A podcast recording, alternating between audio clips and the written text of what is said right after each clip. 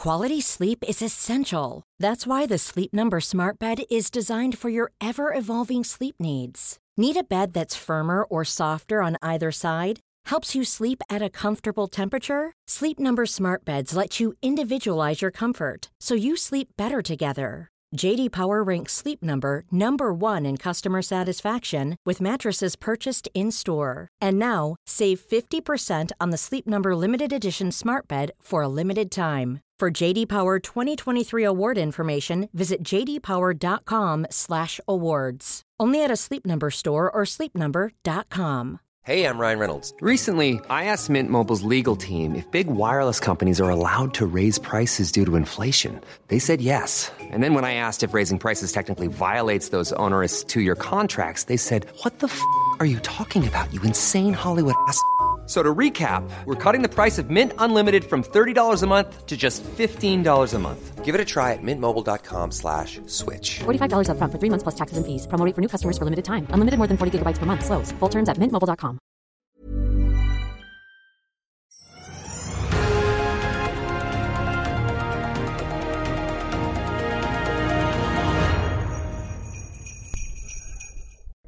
Gledelig jul og velkommen til nok en julesending her i FA-TV. I denne episoden skal vi snakke om fintech, eller eh, det vi kanskje skal kalle finansiell teknologi eh, på godt norsk, for de som ikke er så inne i gründer- og bransjespråket. Med meg i dag har jeg to gjester som fra hver sin kant er i gang med å utfordre en etablert finansnæring. Og ikke minst de som regulerer den. Men hvor mye tech-revolusjon har det egentlig vært for oss som bruker eh, disse tjenestene fra dag til dag, og hva har vi i eh, vente? Velkommen til oss, Linn Hoel Ringvold. Eh, nå skal jeg ta alt sammen. Juridisk direktør i Cameo og norgessjef og styreleder i Crowdfunding Norge. Crowdfundingforeningen, riktig? Riktig. Ja, og Velkommen til oss, Alf Gunnar Andersen, gründer i Horde og styreleder i Fintech Norway. Takk for det. Kan vi kanskje begynne med det først, eh, for de som ikke kjenner dere fra før. Eh, Hva er Horde? Eh, Horde er jo et fintech-selskap, da, som du sa, finansiell teknologi. Eh, og, og, vi jobber jo mot en visjon at alle skal ha mulighet til å være sjef i egen økonomi. Eh, og i, sånn, Hva Horde er i dag, er jo at det er hovedsakelig en app da, som har nå fått 170 000 brukere. og hjelper folk til å få bedre oversikt over kredittkort og annen usikret gjeld. Eh, du kan også refinansiere gjennom appen. Eh, og så har vi mye spennende planer for, for PC2 som vi skal snakke litt om senere. om hvordan vi skal gjøre neste steg i denne her reisen med å egentlig crowdsource eh, informasjon, slik at du kan ta bedre beslutninger basert på hva andre tilsvarende individer som deg gjør. Ja, for du samler inn altså Om jeg har gjeld i Nordea, DNB, Santander, det spiller ingen rolle? Du, liksom, du får ja, samlet vi, det på ett vi, sted? vi, kan kalle det bankagnostikk, som fungerer uansett hvilken bank du, du har. Og Du Ja. kan legge til bankkontoen din også, og betale ned på lånene dine. Så, så Det er jo litt uh, vår rolle å være denne objektive plattformen som, som fungerer uavhengig av uh, hvilke banker du har. Og Linn, eh, jeg kaller det crowdfunding. På norsk kaller vi det kanskje folkefinansiering. Dere driver med, med lån, men det er ikke veldedighet. Det er hva skal vi kalle det, miniobligasjoner? Ja, Miniobligasjoner er nok et godt, uh, en god sammenligning, i hvert fall. Så det Vi gjør er jo, vi har jo litt sånn samme visjon som Horde. da. Vi ønsker på en måte å tilby et eh, finansielt produkt til alle. eh, Og åpne opp et finansmarked som før har vært veldig lukket for de få. Eh, Så det du kan gjøre på cameo.no, det er jo å investere i lån til virksomheter. Og først og fremst eiendomsvirksomheter. Ja, for det er gjerne små og mellomstore bedrifter, gründere som starter opp med noe. Ja, Ja. eller større og større virksomheter, da, faktisk. Så vi har virksomhet i Norge, Sverige og Danmark. Så i Sverige så har vi jo nå gjort lån på 56 millioner i én sverv. Eh, totalt så er det lån på 110 millioner, så det er jo ikke et gründerprosjekt. Um, men du kan jo da være med fra 500 kroner. Så istedenfor å enten kjøpe obligasjoner for 250 000, som de færreste kan, eller kjøpe en uh, toroms på Løkka, så kan man investere i eiendom helt gratis fra 500 kroner. da. Ja, Litt som de store bankene eh, reklamerer for at man kan sette av penger på fond eh, med fast trekk hver måned, så kan man jo ja, sette en 500-lapp, en 1000-lapp eller noe sånt i, i Ikke bare ett forhåpentligvis, da. du bør kanskje spre det på litt flere enn ett lån. Du bør spre det på mange, og det er derfor inngangen er så lav. da. Eh, Så du kan bespre spre det på mange lån. For risikoen i hvert lån er ganske høy, men over hele porteføljen så er den liten. Gründere har jo, og ny teknologi har jo ofte det til felles at de fyller et eller annet tomrom eller forenkler et eller annet. Eh, Hva er det dere fyller? Er det, er det de bedriftene som banken ikke bryr seg om eller ikke gidder å gi lån, eller? Uh, nei, altså det vi gjør er at vi kobler kapitalbehov og kapital mye mer effektivt enn det det tradisjonelle kapitalmarkedet har gjort. Og det er det behov for. Og det har både norske myndigheter slått fast, men også EU. Så EU har gjort utrolig mye med den nye kapitalmarkedsunionen, hvor ny crowdfunding-regulering er en del av det arbeidet som er gjort. Da. Eh, så det vi gjør, er rett og slett at vi, er, vi har en teknisk plattform eh, som kobler de som har kapital, mye mer effektivt med de som trenger kapital, enn det f.eks. investeringsbanker eller banker gjør. Så det kommer til mye lavere kostnad til de som trenger å reise kapital, og da kan også de som ikke har så mye penger for å hente ny kapital, være med å hente kapital. Ja, Du må liksom ikke ha, ha behov for å låne 100 millioner, og derfor kan du ringe Pareto eller uh, SEB eller noe sånt. Nei. Riktig. Hva med dere, da? Hva, hvilket udekket behov er det dere fyller? Um, I stor grad så er jo det at uh, folk tenker jo på bank som noe som er veldig komplisert. Og, og, det er kanskje det banker livnærer seg på. Da, at det er en sånn informasjonsasymmetri mellom kunde og, uh, og, og bank. Og, det prøver vi å forenkle. da. Uh, og så er det også noe med at verden er blitt mer digitalisert. Sant? og Man forventer egentlig at ting skal være veldig enkelt, men så henger det kanskje litt igjen i den bransjen der. da. Så, så det vi, eh, problemet vi løser, er jo først og fremst at du får oversikt over det du har, og så prøver vi liksom gi deg et objektivt beslutningsgrunnlag, da, slik at du kan være sjef i egen økonomi. Det er liksom viktig for oss. at Vi skal ikke ta beslutninger for deg, men vi skal legge til rette slik at du sjøl kan bestemme hva som er riktig for deg. Ja. Men dere har begynt med forbrukslån, det syns jeg var litt interessant. Ja. For det liksom, Man skulle tro gründere, ja, da skal vi liksom kutte gebyrer og man skal være litt sånn snill og ja, løse opp og sånn. Men uh, forbrukslån det har, jo, det har en liten sånn heft ved seg. Hvordan kom dere på det? Ja, og Vi, vi sier jo det at uh, forbrukslån er noe dritt, men vi forsøker å gjøre det litt mindre dritt. Sant? det er klart at det, vil alltid være behov i et marked for, for usikker kreditt og kortsiktig kreditt. og det er jo ikke alle som har mulighet til å, å låne opp på en, på en bolig. Sant? Og for min egen del så var det jo egentlig et samlivsbrudd i 2016 som gjorde at jeg for første gang i mitt liv valgte å ta et forbrukslån for å betale henne ut for liksom, felles eh. Og, og syntes det var en helt forferdelig opplevelse. og Jeg jobbet jo i finans og hadde en god lønn og god økonomi. Og så fikk jeg tilbud om 14% rente, men jeg kunne få 2 eh, rente på boliglånet mitt. Så, så, så med, med, min bakgrunn så var det sånn risikoanalysen her er jo helt på trynet. Eh, og det blir jo et produkt som gjerne er, eh, tiltrekker seg og kanskje feil kundegruppe. Så vi hadde jo en idé om vi kunne gå inn og lage et mer eh, rettferdig produkt her, om du skal kalle det det. For det vil alltid være behov for den type produkter. Og særlig nå, for nå har jo en, det er milliardindustri å få deg til å kjøpe ting som ikke du vet at du betaler for. Sant? Buy now, pay later med Klarna, eh, alt er på abonnementstjenester og hei hvor du går. Så folk bygger seg opp sånn gjeld, da. og så må du gjerne refinansiere den. og er det et mindre lån, så kan du gjøre det enkelt med et forbrukslån. og Er det et større lån, så er det selvfølgelig mye bedre ofte å gjøre det i bolig. Det er ikke alltid det er lurt heller, for da betaler du på det lånet i 30 år istedenfor å betale ned på gjerne ett år. Så det er liksom sånn du må vurdere hva som er riktig for deg. Det er nesten som man må være siviløkonom for å navigere litt av og til. Ja, sant, og det vi prøver det, å liksom gi det, altså, ok, Du kan velge den løsningen eller den løsningen, og så vi opp noen punkter da, med at her er det er bra, og her er det er negativt. og Her er det er bra med den, og her er det er negativt med den. Men dere tar litt lavere rente, da, og så har dere litt bedre samvittighet? Ja, altså, ser du snittrenten har Horde, så er jo den Nå er snittrenten på forbrukslån rundt 16% i Norge. Og snittrenten vi har Horde ligger på 9,7 nå. Uh, og vi har jo da heller ingen gebyrer. Det er et sånt prinsipp vi har sagt for bankene våre. Så det er jo bankene som utsteder lånet. Så vi har da laget en modell som er, er bedre for bankene, for den er rimeligere for bankene. Uh, og, og, og, den er mer samstilt med det som er kundens interesse. Så vi tjener faktisk ikke penger på en kunde hvis han ikke betaler på lånet sitt. Da.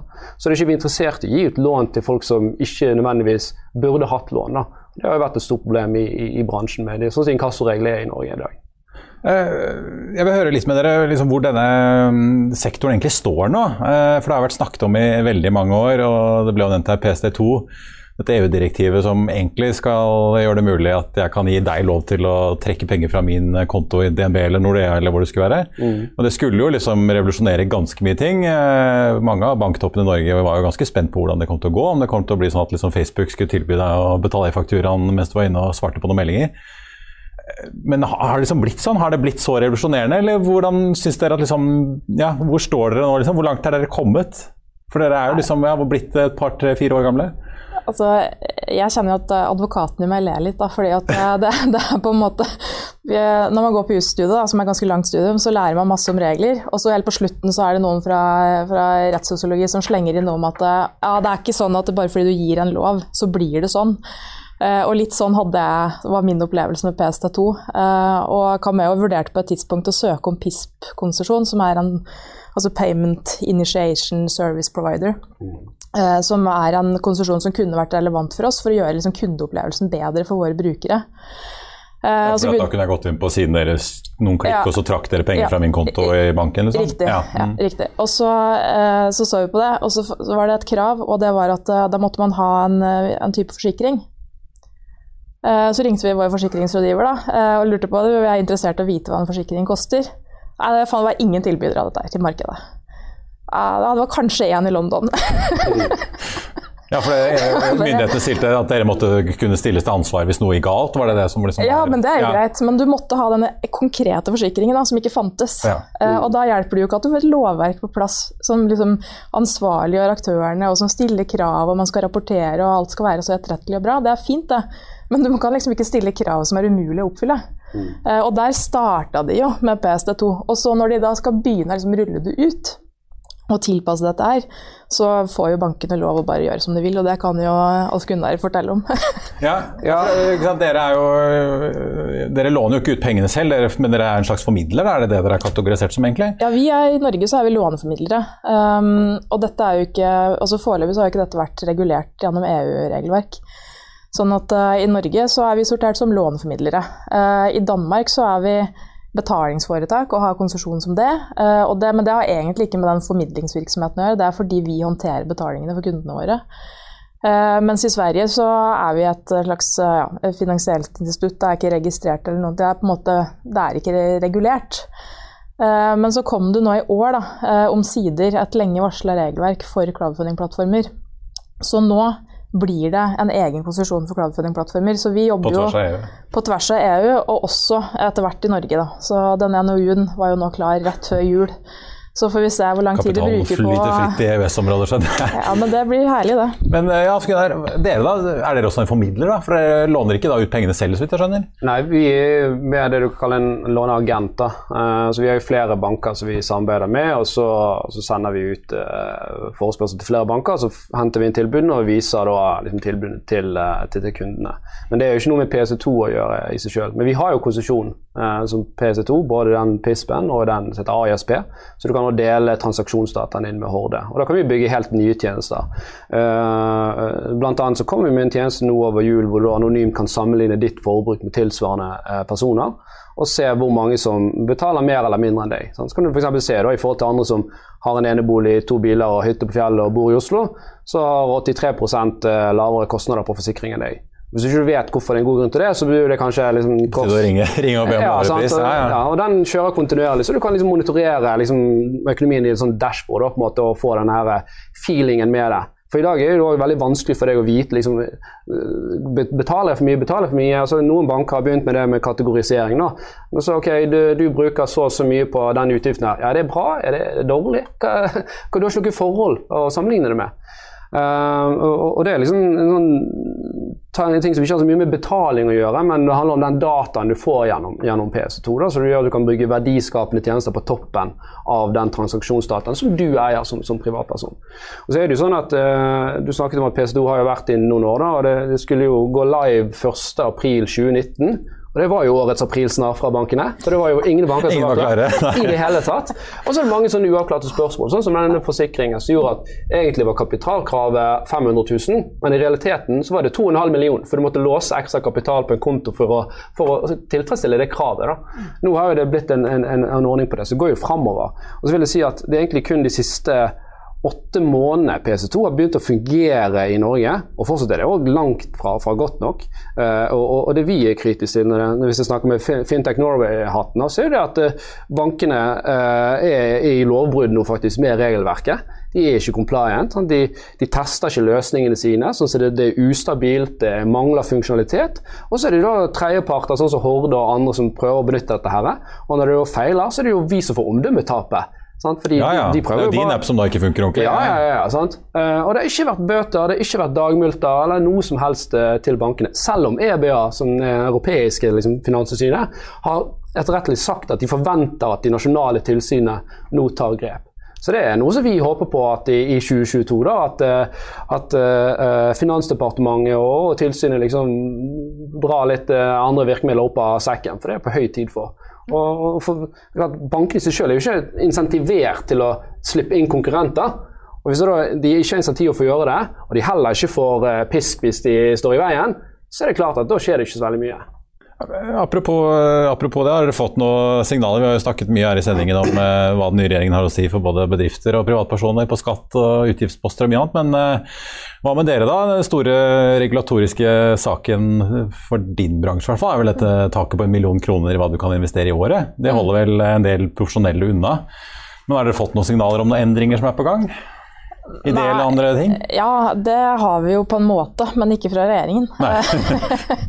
Fordi den forordningen som jeg nevnte i stad, den er jo EØS-relevant, så den må implementeres i Norge. Så det, så det blir et spørsmål den, om tid, egentlig? Det er et spørsmål om tid. Eh, og det er også helt åpenbart under den forordningen at den millionbegrensningen vil ryke, for det vil ikke være tillatt lenger eh, å legge begrensninger på investeringer gjennom crowdfunding-plattformer. Eh, ja, for det kan bli en game changer for dere hvis man plutselig kan sette inn investere 50-100 millioner, da blir det plutselig ja. interessant for litt andre typer investorer enn de som er der i dag? Ja, men absolutt. Altså, vi er jo, Cameo er absolutt størst i Sverige. Uh, og det er jo der den institusjonelle kapitalen også er mest på banen. Uh, og det er klart at det vi holder på med, vi må ha volum for å kunne bygge en virksomhet som er bærekraftig og levedyktig over tid. og for å få de volumene, så må du ha med deg institusjonell kapital. Uh, og med en millionbegrensning så er ikke dette så veldig interessant for institusjoner. Så det er da blir liksom, det hobbyinvestoren, ja. Det, det, blir, eh, det, er, det, er, det, er, profesjonelle investorer i crowden i den forstand at det er folk fra finansbransjen og det er på en måte kunnige folk. Da. Og det er også noen selskaper inne som er inne og gir lån, som, som jobber med investeringer. Så en, en, en, egentlig ganske stor del av crowden er også profesjonelle i, i den forstand. Eh, eller sofistikerte, da, som det vil hete under den nye forordningen. Men, uh, vi, er til, liksom, ja. Ja, altså, vi, er jo til, for, liksom, for, småsparerne, men vi ser at vi trenger å ha med institusjonell kapital for å kunne enable dette produktet, sånn at det faktisk blir tilgjengelig for alle. Da. Så, så det, den millionbegrensningen den ryker, men det er det EU som har bestemt, da, ikke, ikke, denne regjeringen og ikke den forrige regjeringen heller. Ja, fordi, øh, vi skrev vel her i avisen i det var jo starten av oktober at dere hadde utstedt lån øh, så langt i år i Norge, så vidt jeg skjønte på en milliard kroner. Ja, nei, da, det, er, det, er, totalt. Så, men, totalt, men var, da nådde dere jo 2021-målet tre måneder eller to måneder før tiden. Det gjorde vi. Så det er jo ganske kraftig vekst, men det er jo fortsatt en dråpe i havet hvis du ser på det totale lånemarkedet i ja, bare Norge, til og med. Ja, ja. det er det. Hva, hvor, liksom, hva, tror dere, hvis man får fjernet den begrensningen, hvor, liksom, hvor mye tror dere det vil ha å si? det? Uh, jeg tror det vil ha veldig mye å si, fordi at du kan gjøre mye større lån. Så var det liksom en sånn over natten-effekt, eller vil det liksom bare akselerere den kurven dere er på? Det er vanskelig å si, men det er klart det er jo mange som er inne og investerer via disse plattformene i dag, som jobber i finansforetak. Som kan kanskje se at her, her har vi en felles interesse. da. Uh, og det er jo ikke bare altså, for vår egen del uh, i den svenske virksomheten, men også generelt i dette markedet internasjonalt, så er det veldig vanlig med samarbeidsmodeller mellom plattformer og banker, og for så vidt andre finansinstitusjoner også. Så det kan jo være at finansinstitusjonen går inn og er en, et medlem av den vanlige crowden eh, og investerer direkte i lån eh, gjennom plattformen. Gjør seg kjent med liksom våre rutiner og hvordan vi kredittvurderer og i det hele tatt hvordan dette fungerer. Og så investerer de i hvert enkelt lån. Um, så det skjer. Eller det finnes andre modeller, f.eks. med at man låner inn til et SPV um, gjennom obligasjonslån, og så uh, investerer det SPV-et videre da, i lån. Så det finnes ulike typer modeller for dette, men det er jo over 50 av i det europeiske markedet, kapitalen som fylles gjennom crowdfunding-plattformer, kommer fra institusjonelle Hey, I'm Ryan Reynolds. At Mint Mobile, we like to do the opposite of what Big Wireless does. They charge you a lot, we charge you a little. So naturally, when they announced they'd be raising their prices due to inflation, we decided to deflate our prices due to not hating you. That's right. We're cutting the price of Mint Unlimited from $30 a month to just $15 a month. Give it a try at mintmobile.com slash switch. $45 upfront for three months plus taxes and fees. Promote for new customers for limited time. Unlimited more than 40 gigabytes per month. Slows. Full terms at mintmobile.com. I'll see you in court. Vi sier det ofte litt på spøk, men for deg som driver business, er det aldri moro å innse at du ikke har laget en 100 gyldig kontrakt. Du bør ikke risikere hele firmaet ditt fordi du synes dette med kontrakter er litt stress. En avtale er ikke en avtale. Du kan miste kunder, miste venner, ja, til og med miste inntekter om du ikke lager en skikkelig kontrakt, på alt mulig, egentlig. Men vi vet det er et styr. Kopimaskiner, tregprinter og haugevis av papir. Dessuten stoler vi jo på folk her i landet. Det er ofte litt kleint å skulle be om en signatur for alt mulig, ja, for mye av styret handler også om jakten på underskriften. Det finnes en enkel måte å løse dette på, Dukkobit, en trygg, effektiv og get this, gratis måte å sikre seg en god natts søvn pluss en juridisk bindende avtale. Dukkobit-appen har de strengeste sikkerhetskrav i bunn, samt en EU-godkjent og sertifisert teknologi. Framover vil det bli behagelig å spørre du, skal vi skrive under på det, eller? Kom i gang på dokobit.no. Kapital. Så det, det, er ikke uinteressant for norske institusjoner heller, vil jeg tro, når det taket blir borte. Da. Ja, Det vil jeg tro. De leter etter steder å putte pengene. Så, Hva med dere i Horde, da? Tror du det blir noe endring, litt apropos det de snakket om med PST2, at uh, den nye regjeringen uh, følger litt ekstra med, eller er det ja, Det håper vi jo, for det er jo, det er jo brudd sånn på regelverket sånn som i dag. Det er et direktiv som skal, skal føles her. da. Uh, og, det står liksom fintech på agendaen til den nye regjeringen, føler du, eller er det jeg vil jo tro at innovasjon står på, på, på agendaen. da. For Det er klart at vi, det er jo veldig tydelig at vi skal ha en klimapolitikk her som gjør at vi skal trappe ned eh, andre aktiviteter. Og, og da, trenger vi, da, trenger vi, andre ting å liksom leve leve i framtiden. Så har du liksom et unikt utgangspunkt i Norge da, med et høydigitalisert samfunn. Du kan, du kan lage eksportfinans, eh, eh, så du kan egentlig benyttes over hele verden. Så, så hvis regjeringen virkelig vil liksom ha en ny eh, bærekraftig eh, satsingsområde, så burde det vært en no-brainer å gjøre dette her. For, for, mange tror at dette fintech handler om bare betalinger. Det er jo ikke det det handler om. Sant? Det er jo bare en hygienefaktor, den underliggende som må på plass. Det er dataen her og alt dette her som, som dette åpner for, som, som blir interessant. Og du kan lage egentlig eh, sterke eh, teknologiaktører som kan konkurrere med om det, om det, er Facebook og Google og alle disse her eh, amerikanske gigantene. Og Det er jo nok litt av insentivet til at eh, Europa altså, innførte PC2 i, i sin forstand òg, Så, ja. Og så tror jeg at sånne plattformer som Horde, da, for det du snakka om i stad, er jo at det, det, er å se økonomien din og bli liksom sjef i egen økonomi. Vi snakker jo også om det, liksom bli din egen bank. Uh, og det å liksom skape forståelse for ganske sånn grunnleggende ting i økonomien din, privatøkonomien din, det tror jeg aktører som oss er bedre til da, enn det bankene har vist seg å være. Mm. Eh, så der, der, tror jeg man absolutt kan, kan bidra. Så Én ting er på en måte det å skaffe kapital til eh, bedrifter, både i distriktet og i byene, og liksom bygge næringsliv og innovasjon og nye arbeidsplasser. Hvis ikke en Ap- og Senterparti-regjering er interessert i det, så er det ganske meningsløst. det på. Dere får troppe opp hos Slagsvold Vedum og si at vi vil bygge landet, så får dere sikkert tid til et møte. Ja, men vi vil jo også gjerne liksom sørge for at folk får grep om sin egen økonomi. og Én ting er jo på en måte det du snakker om, som er på en måte å rydde opp litt og få oversikt og få liksom, ta grep hvis du, har, hvis du betaler for mye. Men det vi holder på med, det er jo at du også skal få avkastning på kapitalen din. Mm. Uh, og jeg tror ikke at det her bør være folks flest sin skjebne å putte alle sparepengene på en sparekonto som maks gir deg 1,5% i avkastning. Ja, og minus altså, hvis du trekker fra inflasjonen, det, så da er det ikke det, mye å skryte av. Ja. Nettopp, det er ingenting. ikke sant? Sånn at, eh, så det å liksom skape og gjøre tilgjengelig eh, investeringsmuligheter, få folk til å forstå hva som finnes av muligheter og alternativer, og hva risiko er, der er det absolutt en jobb å gjøre som vi skal ta, men som også andre aktører i fintech-næringen må være med å ta. Og Bankene har i hvert fall ikke tatt den, og de har jo ikke noe interesse av å ta den heller. Det er kjempefint for bankene å låne inn masse penger, betale ingenting for det, og så kan de låne ut igjen til hva sa du, 14-16% rente. Topp mm. det.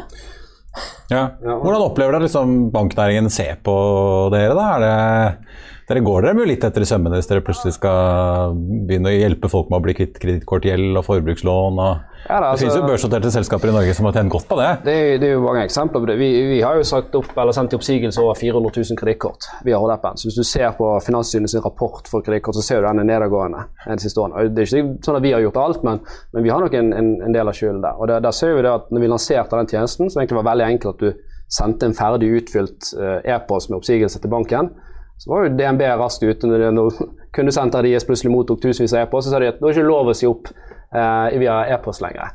Sant? Så det er klart at eh, de, de, de ønsker å beskytte seg sant? Og, og, ha en egeninteresse av at det ikke skal komme inn nye aktører som konkurrerer med dem.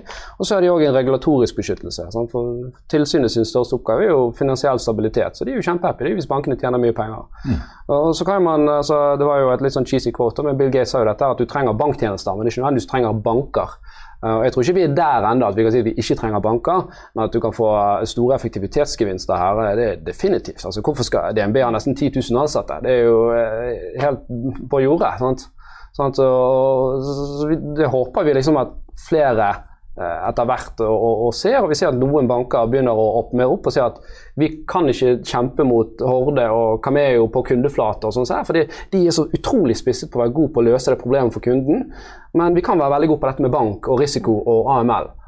Så det er det noen banker som har liksom snudd litt på nå, da, og, og samarbeider gjerne med oss og, og kan, eller ønsker å samarbeide med Cameo, da, for de ser at dette er en, en god, en god sånn, eh, eh plattform for å egentlig få inn den innskuddskapitalen de trenger. Da. Ja, for når, men når når dere det punktet at dere også trenger en svær avdeling som jobber med compliance og know your customer, alt det som de vanlige bankene må slite med? Ja, vi, vi har jo en... Eller unngår du det så lenge du bare sitter og formidler på vegne av andre banker? Og... Nei, men vi, vi har jo en PS2-konsesjon, så vi har jo et AML-ansvar. Så vi har jo en, en ansatt en egen jurist som jobber med det, og hun har en annen... Altså hvitvasking og alt det ja, der? Ja, altså, altså, vi har jo bygget et eget system for det. Og så klart at Når du skal gjøre hvitvasking, så skal det være i henhold til den aktiviteten du faktisk gjør. Og, og nå er jo den ganske begrenset. Vi driver ikke med utland, utenlandsbetalinger, f.eks. Og, og det meste du kan betale ned på gjelden din, og så kan du sette opp vennelån med venner og familie. Sant? Så da er det, det er litt lettere å håndtere det enn hvis du driver og overfører penger til Iran eller hva enn det måtte være. Sant? Så, men definitivt at det er jo noe som, som vil, vil vokse for oss. men så, så, Vi er jo ikke en bank, så vi kan ikke utstede kreditt. Eh, Finanstilsynet har jo vært ganske tydelig på at de ikke er superhappy for det som kalles peer-to-peer-lending, som også er innenfor crowdfunding. Altså vennebetaling direkte? Ja, eller at du lager en markedsplass for det. da. Ja. Vi, er egentlig direkte. Sånn, så det er, ikke, det er, jo mer sånn at vi, Og vi tar ikke betalt for det heller. Det er mer sånn at Hvis du skulle lånt penger til din sønn eller hva det var for han skulle på boligmarkedet, så kan du liksom sette opp det da, og betjene det lånet der. For det, det er jo liksom sånn at 42% av alle som skal ut på boligmarkedet, trenger hjelp av venner og familie. sant? Uh, så det var bakgrunnen for den tjenesten. Men, men peer-to-peer-lending er jo mer at du har en markedsplass hvor uh, det er en, en, en tredjepartsselskap som gjør en slags kredittvurdering, og så sier de at uh, mann 34 som bor her, ønsker å låne 150 000. Hvem ønsker å liksom, låne han ut penger, da? Og, og, og, det er jo for så vidt en, en, god ting hvor du liksom kutter ut banken som mellomledd. da. Uh, men, uh, men, men, det er jo under mye av de samme reglene som, som Cameo møter. Og, og, og du, du, får heller ikke lov å pole disse midlene. så Hvis du som privatperson skal låne ut, så må du liksom låne ut til ti personer da, for å begynne å ha en portefølje. og så får du inn 700 kroner der og 150. Det blir veldig sånn uoversiktlig. Sant? Så Vi så jo på ideer for hvordan vi kunne faktisk gjøre dette bra, men så kom jo tilsynet med et rundskriv som sa det at uh, Nei, vi kommer ikke til at uh, poling av midler, vi kommer ikke til at det er sånn, det er disse begrensningene her. Og da, da dreper du det. sant? Men hvordan skal, liksom, uh, hvordan skal man finansiere dette? da? Hvis sånn som deg og andre aktører kommer inn og skummer fløten litt, tar liksom de enkle tingene man får lov til å holde på med av Finanstilsynet, og så blir liksom DNB, Nordea og eh, Sparebanken og alle de andre sittende igjen med liksom ja, de utfører betalingen, og så sitter de med infrastrukturen, men de har liksom ikke noe sånn særlig margintjenester igjen til å dekke alle disse her kostnadene med antihvitvasking og alt dette andre compliance-arbeidet som gjøres. da. Ja, Det er jo et marked som må liksom balansere seg sjøl på en eller annen måte. da. Sant? Det er klart at uh, det, det, er jo lover og regler som må gjøre her. Så må vi må, må ta betalt, om det må være butikk i det, og det skal være en sunn konkurranse i, i, i, det markedet der. da. Og Så er jo det òg noen kapitalkrav som, som, bankene må ha der. Så, så, det er jo ikke sånn at bankene ikke skal tjene penger, men det er ikke nødvendigvis at du trenger tusenvis av personer som sitter i en bank og jobber. Og, ja. og, og, og nå med det som skjer innenfor AI og maskinlæring, sant, så kan jo mange av de prosessene som vi ser i stor grad er manuelt arbeid hos bankene, er litt tullete, syns vi, at det gjøres på den måten. da. Så, um, ja, så jeg tror vi så får en stor effektivisering i, i, i bransjen i løpet av de neste fem til ti årene. nå. Men Er dere liksom en litt sånn irriterende konkurrent eller et supplement, eller hvordan ser egentlig bankene på dere? Akkurat nå vil jeg si at vi, klart Noen banker er vi konkurrent for. for Noen, noen, noen sånn så, La ta DNB, da, som ikke bruker agenter. Sant? De vil jo eie kundeflaten sjøl. Mens andre banker ser jo på oss som en veldig god samarbeidspartner, sant? for vi gir de tilgang til kunder. Eh, så, så, konkurrentene våre som er den moderne vi har i dag, er jo mer som tradisjonelle låneagenter som Lendo og Smarta. og sånt, og de, de har jo en modell hvor de tar en ganske heftig upfront-fri fra banken. Uh, og, og, det er veldig dyrt å få tak i disse kundene her. Kredittkort og forbrukslån. Forbrukslån er det dyreste ordet du kan uh, markedsføre deg mot. Uh, og hvis banken nå må betale 10 000 kroner til en sånn agent up front, så er det klart at da må jo lånet være dyrt. da. Og lånet er gjerne på snittrenten på et forbrukslån er mellom to og to og et halvt år. Så sier de at da må det være gebyrer her, det må være høy rente. Blir fort 15-20 ja. ja, ja? Mens, mens, vi har jo en modell som gjør det at nei, vet du hva, vi tar ingenting up front for banken, men da får heller ikke de lov å ta up front for kunden. Og så får vi heller en veldig liten cut av den renteinntekten de har. Da. Så Hvis kunden er der i tre måneder eller fem år, så er det liksom, da er alle interessene mer samstilt da, mellom alle partene. Ja. Men du tjener jo på at jeg har forbrukslån som bruker? Ja, sant. Og, og, og det, vi, det, legger vi heller ikke skjul på. Sant? Og som jeg sa i sted, er jo det at det er et bedriften produkt, men for mange så er det et nødvendig produkt. Mm. Og, og, det er jo òg et virkemiddel som, som altså det, der, det er liksom dette glidemiddelet i økonomien til tider når det er litt trangt. da. Uh, Eller uh, det, er mye større problem med, med f.eks. at folk handler på kreditt som de ikke vet er kreditt engang. Sånn som i Buy Now Pay Later-markedet. Eller, eller kredittkortene sine. Så, og det er klart at På kredittkort har du gjerne 22 rente. Ja. Så kan du få refinansiert det til halvparten av renten din under det. Så er jo det betraktelig mye bedre. Hvordan eh, ser banknæringen på dere? da? Dere har jo ABG som eh, er de største aksjonærene nå, med mm. over nesten 30 mm. ja. Og konkurrenten Fundingpartner vet jeg også har eh, er det Skipsted og DNB på eiersiden. Mm, ja. ja. Hvordan, er, har, liksom, har de omfavnet modellen deres, eller hvordan ser dere egentlig på banknæringen? Nei, Jeg opplever at de er liksom nysgjerrige på hva det er. Og så ser de vel også at uh, banker og finansinstitusjoner i utlandet de også samarbeider med plattformer. da. så vi opplever jo interesse på ulike måter. Altså, det, er jo, det er jo bank på eiersida hos Monner også, eller Monio heter de nå. Uh, så er jo, de er jo definitivt interessert. Noen ser nok på oss som konkurrent, og i noen situasjoner og tilfeller så er vi også en direkte konkurrent til banken. Alternativet er jo å ta pant i gründerens eh, hus og så gi dem et vanlig banklån, kanskje? Ja, men ofte så er jo det huset allerede belånt, da. Ja, så, det, ja, ja, så, det, er jo sant, Gründere har jo også familie og barn og sånn. Så nei, altså først og fremst så tenker jeg jo at det vi gjør, er Vi utfordrer eh, den, altså det å gjøre kapitaltilgangen effektiv. Det gjelder på en måte hele markedet, ikke bare det som Cameo driver med, men det som alle crowdfunding-plattformer driver med. Uh, og det er jo sånn som de to aktørene i Norge som har prøvd seg på forbrukslån eh, gjennom folkefinansiering, de har jo ikke lyktes med å få noe vekst. Eh, og jo, En av grunnene til det er jo dette taket da, på liksom, hvor mye kan hver investor investere. For du, du, klarer ikke å sette opp en fornuftig forretningsmodell eh, som, hvor liksom, risikoen står i samsvar med renta. Men internasjonalt så er jo peer-to-peer lending, altså consumer eh, finansiering via crowdfunding-plattformer, det er jo største, det største segmentet innenfor folkefinansiering eh, globalt. Og rentenivået på de lånene er jo mye, mye lavere enn det bankene i Norge tilbyr. Eh, mens tapet det pulveriseres jo ut, fordi du investerer porteføljevis da, i mange mange, mange lån. Ja, for jeg så på nettsidene deres, altså snitt så ligger tapsraten opp på 0,11% Men det fordrer at du har investert i alle lånene dere har gitt hele veien, antar jeg. sånn at du du får det lave snittet. Ja. Og da får du fortsatt litt lov, i ærlig drøye 8,8 rente ja. etter tap. Ja. ja. Det er ganske bra, det. Men risikoen din er jo mye høyere hvis du går inn i ett lån her og ett lån der. Ja, men risikoen er jo høy. Det er jo derfor mm. du får rente mellom 6 og 12-13-14% Så risikoen i hvert enkelt lån er jo høy. Eh, men så er jo altså alle de lånene som Cameo formidler, er jo sikra med pant da, i fast eiendom. Eh, sånn at eh, du, ja, du får jo noe igjen.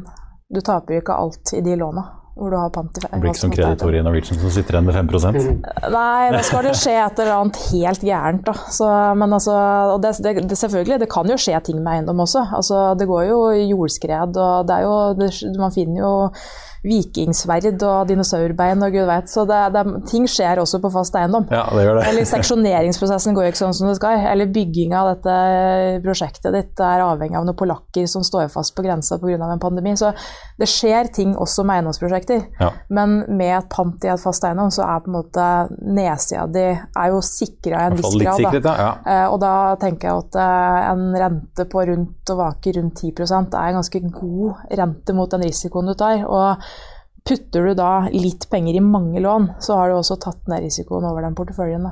Du, dere, til slutt tenkte jeg å utfordre dere litt med å komme et mål for 2022. Nå har dere mm, utstedt lån for en milliard kroner på plattformen eh, og gått over det vel i idet vi sitter her. Hva tror dere om 2022? Dobler dere, eller? Man kan jo ikke for evig doble, da. Har vi, vi, har faktisk publisert over eh, to milliarder eh, totalt eh, på Cameo. Men eh, vi dobla fra Ja, og en av de kom bare i år. En av de kom i år. ikke sant? Eh, så vi, har, vi dobla i år fra i fjor, og vi dobla året før fra året før igjen. Men man kan jo ikke holde på med den doblinga i det. fordi det, det er jo på en måte Hvis man bare jager volum, så vil jo det gå utover kvaliteten på lånene, antageligvis. Eh, og før eller siden så vil man jo treffe på et mislighold når liksom alle lånene hver for seg er høyrisiko. Da skal man jo også håndtere det. Vi er en organisasjon på 34 ansatte i Norge, Sverige og Danmark. Vi har tre stykker da, som jobber med compliance. Ja.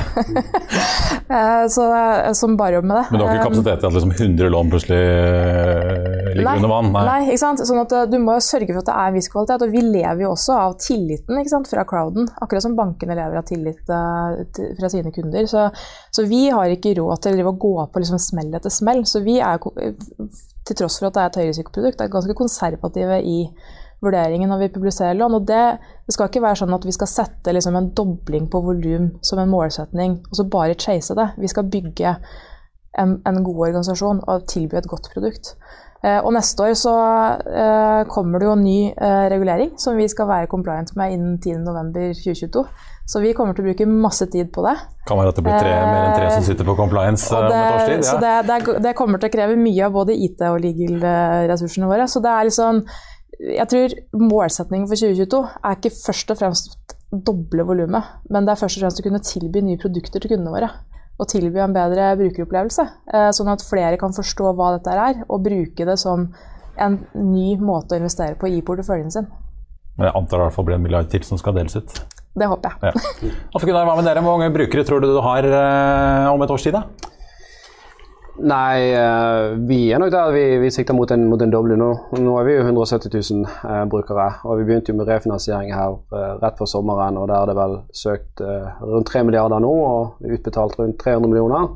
Eh, men, men, vi er jo ikke interessert i at forbrukslånsmarkedet skal vokse. Men vi ser jo heller på at vi ønsker at snittrenten skal ned. da. Eh, at, at, flere heller får et lån som er lettere å håndtere. Og så kommer vi til å bevege oss litt inn i andre produkter, om det er boliglån og, og, den type ting. Og vi jobber jo veldig mye mer med, med disse PC2-tjenestene nå, da, eh, som òg gi oss flere bein å, å, å stå på. Da, og mye andre spennende produkter man kan se på der. Sant? At, uh, strøm er jo veldig aktuelt i dag. og Det er jo helt tullete at det er 100 strømselskaper i Norge som driver og jatter rundt på et helt homogent produkt. Sant? Mye kan du si om mobil ja, og andre ting. Sant? Det er jo en annen gründer på Vestlandet som har slått seg opp på nye strømabonnement. Ja, ja. Så, så, så, men, så ja, vi, vi, vi, vi vi, skal både vokse i Norge, men vi skal ta de første stegene ut av uh, Norge. Da, og I den prosessen å finne hvilke markeder som, hvor PC2 er kommet langt nok til at vi endelig kan begynne å gjøre litt av disse tingene som vi har satt og trappet på. Uh, og trippet dette her i de siste årene. Det skal bli veldig spennende å følge med på. Alf Gunnar Andersen i Horde, takk for at du kom. og god tur tilbake til Vestlandet, får vi si. Eh, takk også til deg, Linn Hoel Ringvold i Cameo. Og god jul. God jul. God jul. Før vi avslutter, husk at du også kan se alle julesendingene våre og alle de andre sendingene vi har hatt denne høsten ved å gå inn på fa.no-tv, og at du også kan høre dem som podkast ved å søke opp Økonominyhetene på Spotify, Apple Podcast eller ved å gå inn på fa.no-podkast. Det var det vi hadde i denne omgang. Tusen takk for at du så på. Vi er tilbake om ikke lenge med en ny julesending. I mellomtiden ønsker vi deg og dine en fortsatt gledelig jul, og husk at du som alltid får siste nytt på fa.no. Takk for nå, og så ses vi snart igjen.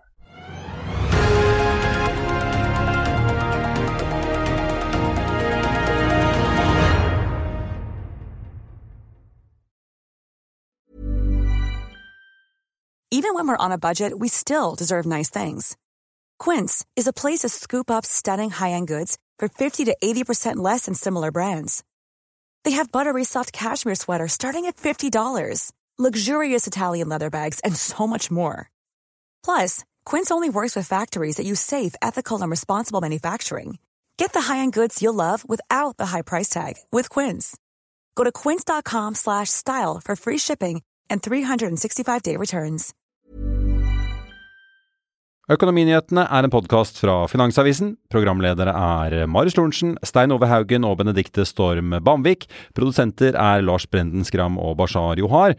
Og ansvarlig redaktør er Trygve Hegnar.